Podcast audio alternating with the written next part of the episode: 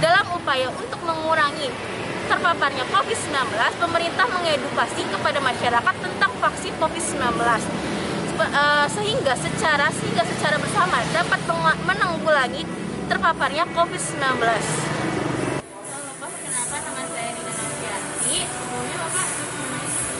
Nama saya Robi Firyandoko. Uh,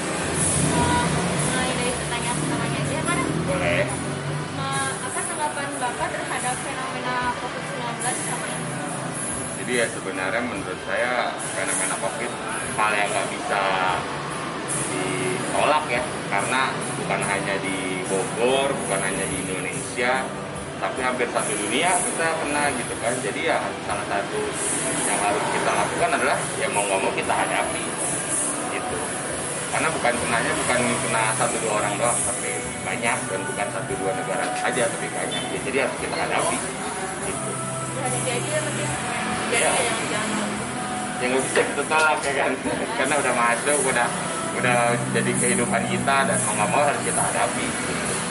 Selanjutnya bagaimana tanggapan bapak mengenai mengenai kebijakan pemerintah tentang vaksin apa sebenarnya itu salah satu langkah yang baik ya karena memang dari awal covid itu ada seperti penyakit-penyakit penular yang lainnya ya salah satunya dengan adanya vaksin untuk apa namanya untuk imunitas gitu kan. Jadi gerakan vaksinasi itu menjadi hal yang harus dilakukan saat ini. Gitu kan dan alhamdulillahnya kan sekarang udah banyak ya yang divaksin. Semoga setelah banyak yang divaksin. Kita akan mencapai yang namanya herd immunity dan kita bisa lebih kuat menghadapi virus-virus yang lain.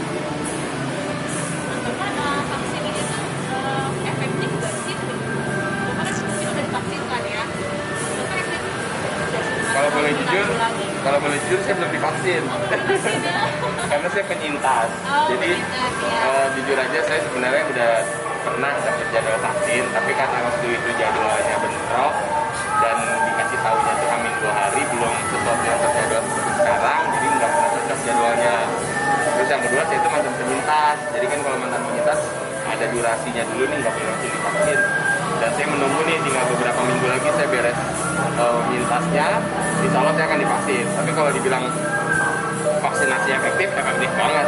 Karena sekarang menurut saya udah nggak sentralistik lagi, tapi juga udah jemput bola ke masyarakat. Gitu. Penyintas itu bapak nggak di sini gitu ya? Maksudnya di dari kota aja. Penyintas itu kan mantan ini kena covid.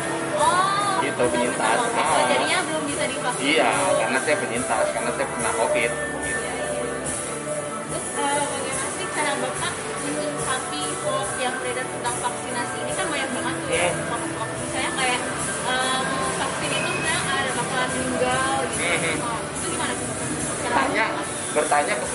paling terpercaya. Itu yang pertama. Yang kedua, jangan mudah membaca berita-berita yang sumbernya nggak valid. Jadi kan sekarang ini banyak banget orang terpaparnya informasi-informasi dari grup WhatsApp, dari Facebook yang kita informasinya itu nggak valid. Tapi yang valid itu adalah dari media yang paling valid. Tapi khususnya media yang memang sudah ter- terverifikasi ya, yang lebih baik itu yang sudah terverifikasi. Karena apa? Karena mereka melalui proses jurnalistik dalam pengambilan dan menyampaikan informasinya menjadi berita. Jadi hal-hal yang disampaikan bukan hal-hal seliweran, bukan info-info yang katanya dan katanya, gitu. dan dari info-info yang sumber-sumber yang memang valid dan terpercaya.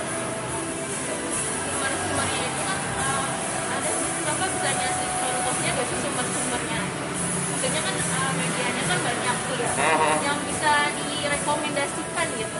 Kalau sekarang, saya karena saya juga pernah riset, itu yang paling bisa dipercaya paling tidak di sosial media itu namanya kawal covid.